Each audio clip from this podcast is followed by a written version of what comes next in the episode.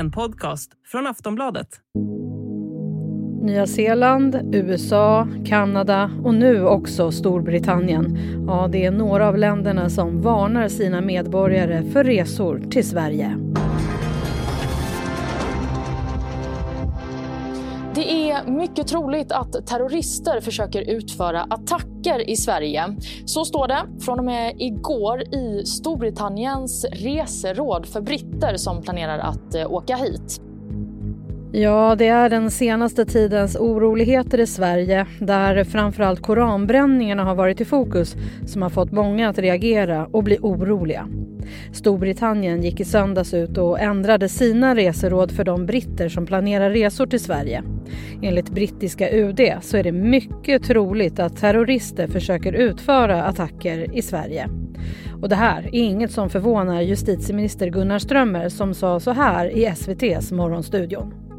I grund och botten ligger ju det i linje med eh, de bedömningar som eh, våra svenska myndigheter har gjort under en längre tid och som både myndigheterna, inte minst Säkerhetspolisen och regeringen gett uttryck för. Alltså att Sverige har gått från att vara ett, ska säga, ett legitimt mål för terrorattacker som ett bland alla andra västerländska länder till att vara ett mer prioriterat mål för den här typen av terrorattacker. När den senaste terrorattacken i Sverige ägde rum på Drottninggatan i Stockholm 2017 så låg den så kallade terrorhotsnivån på en trea, precis som den gör nu i augusti 2023. Och det är också så läget har sett ut de senaste tio åren. Under sommaren så har Säpo sagt att man varit nära att höja nivån till en fyra, men det har ännu inte hänt. Och enligt Gunnar Strömmer så har man bett Säpo och andra myndigheter att trappa upp och skärpa arbetet kring allt det här. Så, är det så att Storbritannien vet något som vi här hemma i Sverige inte vet om läget? Vad händer om nivån höjs till en fyra? Och hur oroliga ska vi egentligen vara för nya terrorattacker? Ja, det här pratar vi om i dagens Aftonbladet Daily. Jag heter Jenny Ågren. Och jag har med mig Wolfgang Hansson, vår utrikespolitiska kommentator. Wolfgang, hur ser hotbilden mot Sverige ut just nu? Ja, den har ju förvärrats ganska avsevärt mot hur det var bara för ett halvår sedan. Eh, och bedömningen är ju att eh, det mycket väl kan inträffa eh, terrordåd eller andra typer av eh, hot eh, mot Sverige, antingen här i Sverige eller mot svenska intressen utomlands. Och vad skulle du säga är den främsta anledningen till att det har förändrats på det här sättet? Ja, koranbränningen är ju absolut den, den främst mest akuta eh, delen i det här. Eh, och då tänker jag framförallt på från den tiden när eh, Rasmus Paludan brände Koran utanför den turkiska ambassaden då det verkligen liksom tog fart internationellt, eh, den här kritiken eh, mot Sverige. I det här finns det också en eh, ringa på vattnet från kriget i Ukraina där vi har Dels det här med Sveriges eh, NATO-medlemskap som ryssarna till varje pris har velat stoppa och överhuvudtaget så vill ju Ryssland gärna skapa eh, problem för västvärlden, eh, gärna splittra västvärlden och eh, man kan ana att det finns eh, ryska eh, intressen i det här också som, som vi inte känner till eh, fullt ut. Och I helgen nu då så gick ju Storbritannien ut och varnade sina medborgare för resor till Sverige. Eh, hur kommer det sig? Ja, man har ju uppfattat att det finns ett ökat hot mot Sverige och en ökad hotbild mot Sverige och då känner man väl att det är e-, en plikt eh, för landet att varna sina egna medborgare, precis som vi i Sverige skulle tycka det var en plikt om, om vi inte tyckte att svenskar ska resa till Egypten eller till Turkiet eller till Frankrike eller vad det nu kan vara.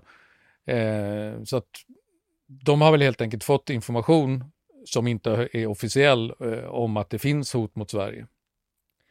Är det så att Storbritannien vet någonting som vi inte vet? De vet garanterat någonting som vi vanliga svenskar inte vet. Däremot så föreställer jag mig att eh, det de vet har de berättat för eh, svenska säkerhetspolisen. Där finns ju ett samarbete mellan säkerhetspoliser i olika västländer eh, som är rätt väl upparbetat och eh, den här typen av, om det finns konkreta hotbilder så rapporterar man ju det till varandra, man hjälper ju varandra och samarbetar.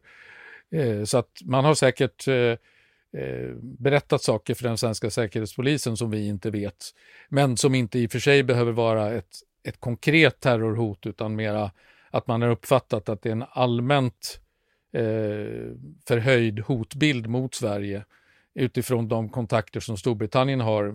Där finns, har man ju hela sitt gamla kolonialnät i, i samväldet eh, och luta sig mot bland annat. I Sverige nu då så ligger ju den här terrorhotsnivån fortfarande på en trea på den här uh, femgradiga skalan. Vad säger du, borde den höjas? Det där är ju väldigt svårt att avgöra.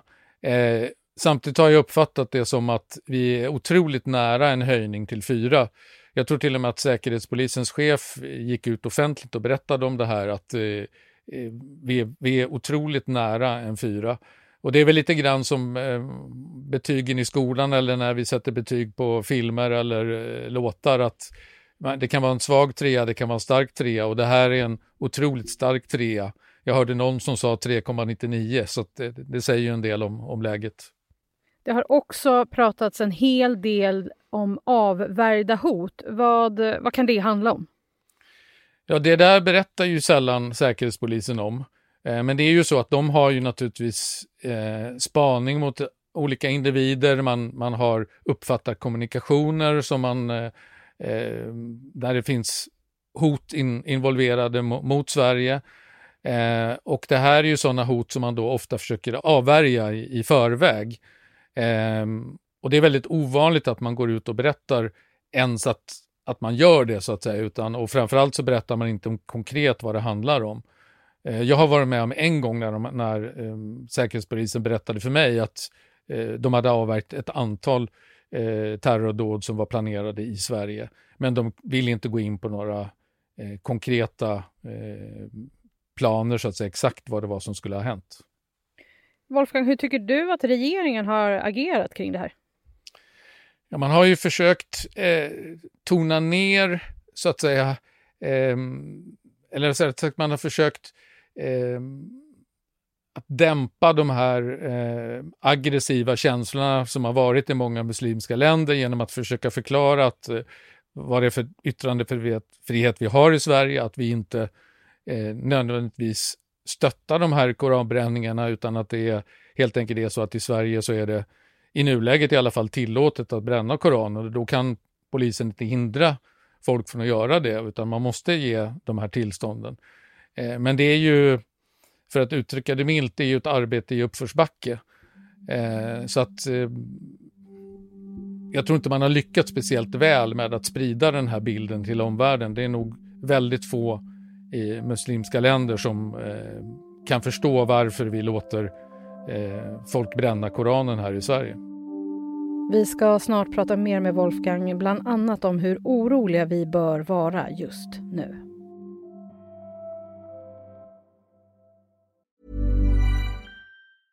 A lot can happen in three years, like a chatbot may be your new best friend. But what won't change? Needing health insurance. United Healthcare Tri Term Medical Plans, underwritten by Golden Rule Insurance Company, offer flexible, budget friendly coverage that lasts nearly three years in some states. Learn more at uh1.com.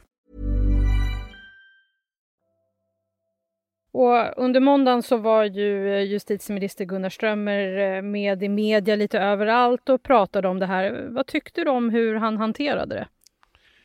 Ja, han bekräftade ju väldigt, väldigt mycket, tycker jag, eh, varför Storbritannien gick ut med den här varningen. Att det är liksom att i princip är det vad Storbritannien säger, det är precis samma sak som den svenska säkerhetspolisen och den svenska regeringen har sagt eh, de senaste månaderna. Nämligen att på grund av de här koranbränningarna och på grund av kriget i Ukraina eh, och de följderna av svenska NATO-medlemskapet och så vidare, så är, finns det en förhöjd hotbild mot Sverige.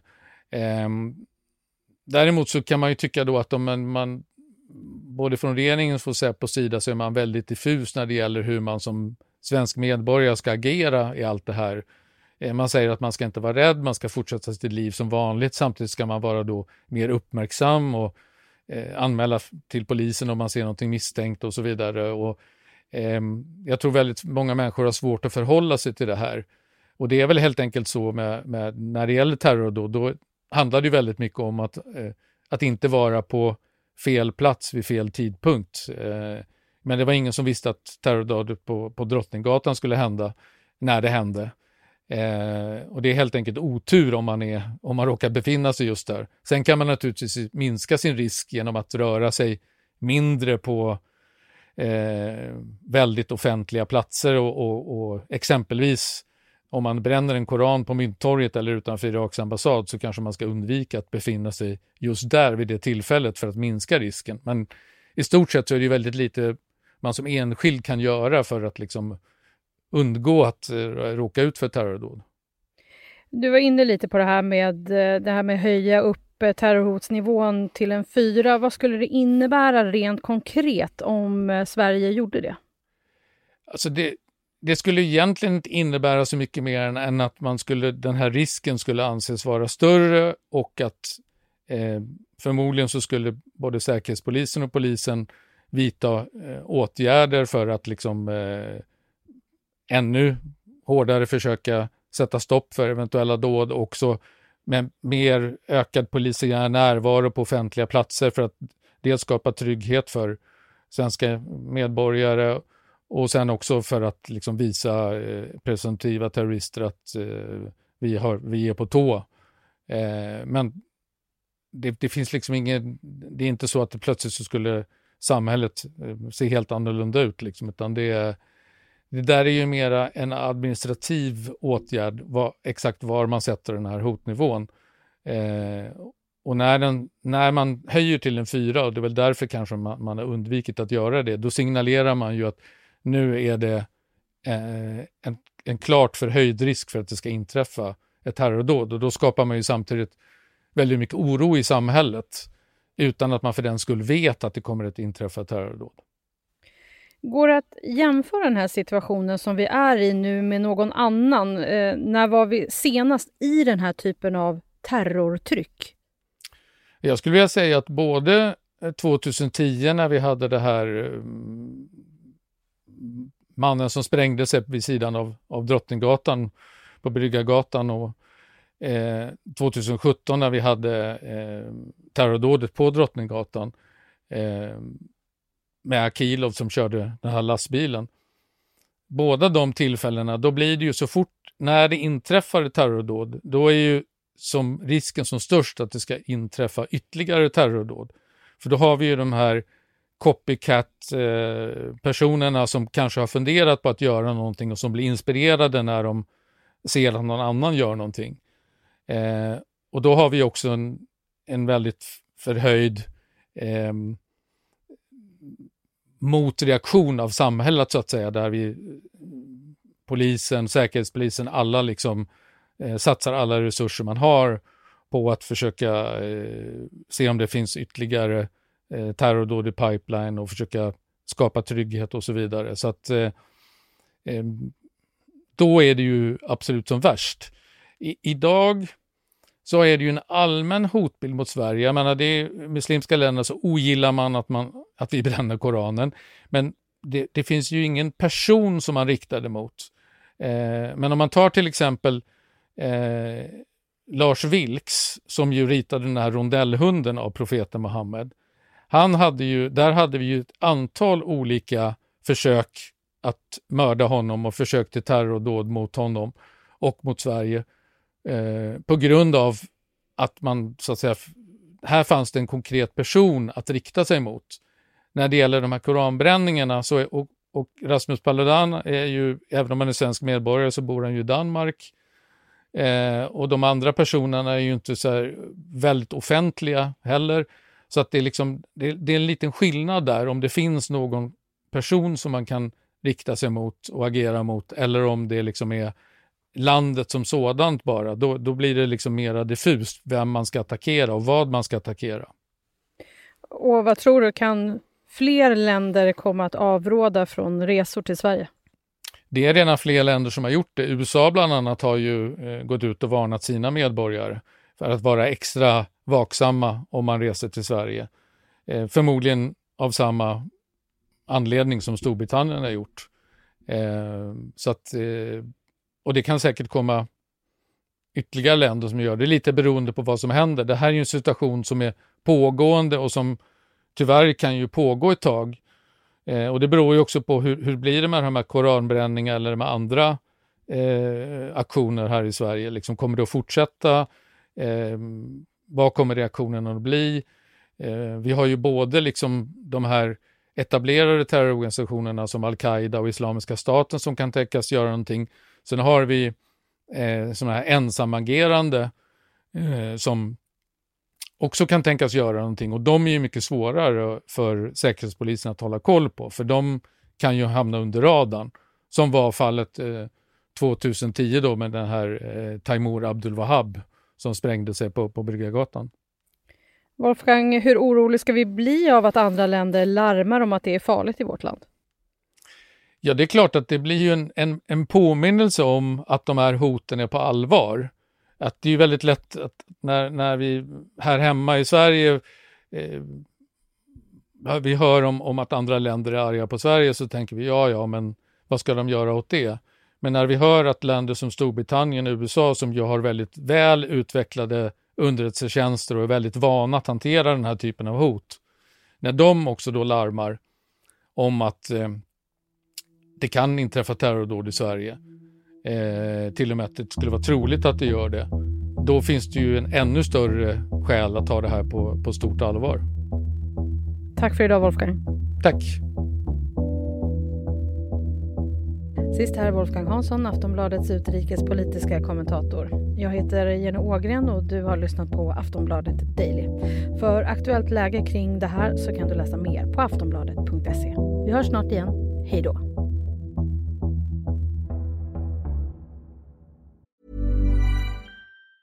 Meet 2024's most anticipated robot vacuum, Eufy X10 Pro Omni. With powerful 8000 PA suction and MopMaster's dual mop pads, it keeps your floor sparkling clean.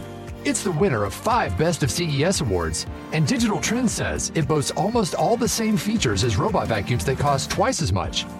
Want to know more? Go to eufy.com, that's EUFY.com, and discover X10 Pro Omni, the best in class all in one robot vacuum for only $799. Du har lyssnat på en podcast från Aftonbladet. Ansvarig utgivare är Lena K Samuelsson.